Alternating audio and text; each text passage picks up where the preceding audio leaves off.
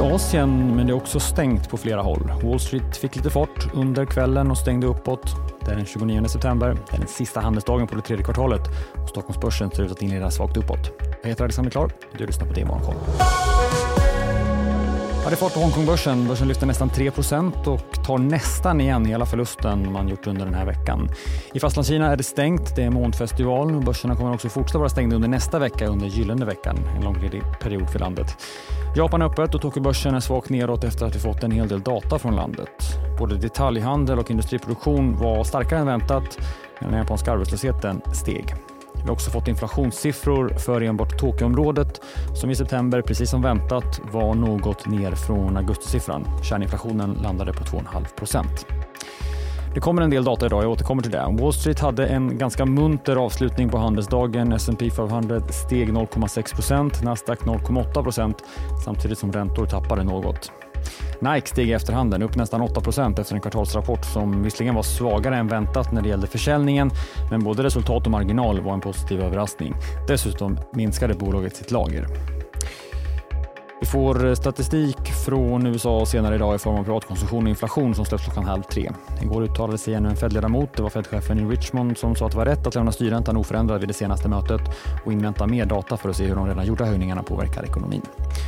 På tal om tal, ECB-chefen Kristina Gard talar under förmiddagen. Sveriges så. E-bygghandlaren BHG sjösätter ett stort omstruktureringsprogram. Kostnaden uppgår till 1,3 miljarder kronor. Och I programmet så säljer man bland annat tyska AH Trading som man köpte i september 2021. Man säljer för en euro. Man droppar också danska My Home Möbler till dess ägare för den symboliska summan av en euro. Dessutom ska man stänga 15 butiker i Sverige. Fastighetsbolaget K-Fast har gjort en riktad emission och får in drygt 330 miljoner kronor. Teckningskursen blev drygt 8% under gårdagens stängning och utspädningen ungefär 10% Jag nämnde förut en del data idag. Svensk detaljhandel om en stund. Det har ju fortsatt vara fallande även om vi hade ett litet lyft under den tidiga sommaren. BNP-siffror får vi också från Storbritannien och Danmark och europeiska inflationen väntas komma och dessutom komma ner. Under förmiddagen så får vi KPI för september. Förväntan ligger på 4,5 procent, ner i sådana fall från 5,2 i augusti. Och det är ju sammanvägt för unionen. För olika länder väntas såklart olika utveckling. Till exempel så väntas inflationen stiga något i Frankrike till strax över 5 Den tyska inflationen kom ju igår och den var något lägre än väntat på 4,3% i Börsmorgon med start kvart i nio blir det mer om konsumenten. Vi gästas av Claes Hemberg. Programmet går också att lyssna på som podd. Vi släpper den senare under dagen. Det går också att lyssna på det senaste avsnittet av DIs Makrorådet. I det senaste avsnittet gästar Annika Winst och Claes Molén.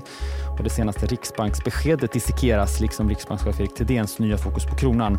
Mer hade eventuellt kunnat gjorts. Ni hittar programmet på sajten eller i er poddspelare. Det är Morgonkoll. Jag är tillbaka igen på måndag. Jag heter Alexander Klar.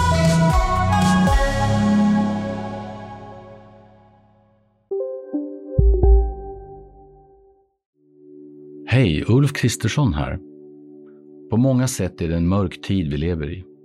Men nu tar vi ett stort steg för att göra Sverige till en tryggare och säkrare plats. Sverige är nu medlem i Nato. En för alla, alla för en. Där det finns ett samhälle, där finns det brott. Krimrummet är podden som tar brottsligheten på allvar.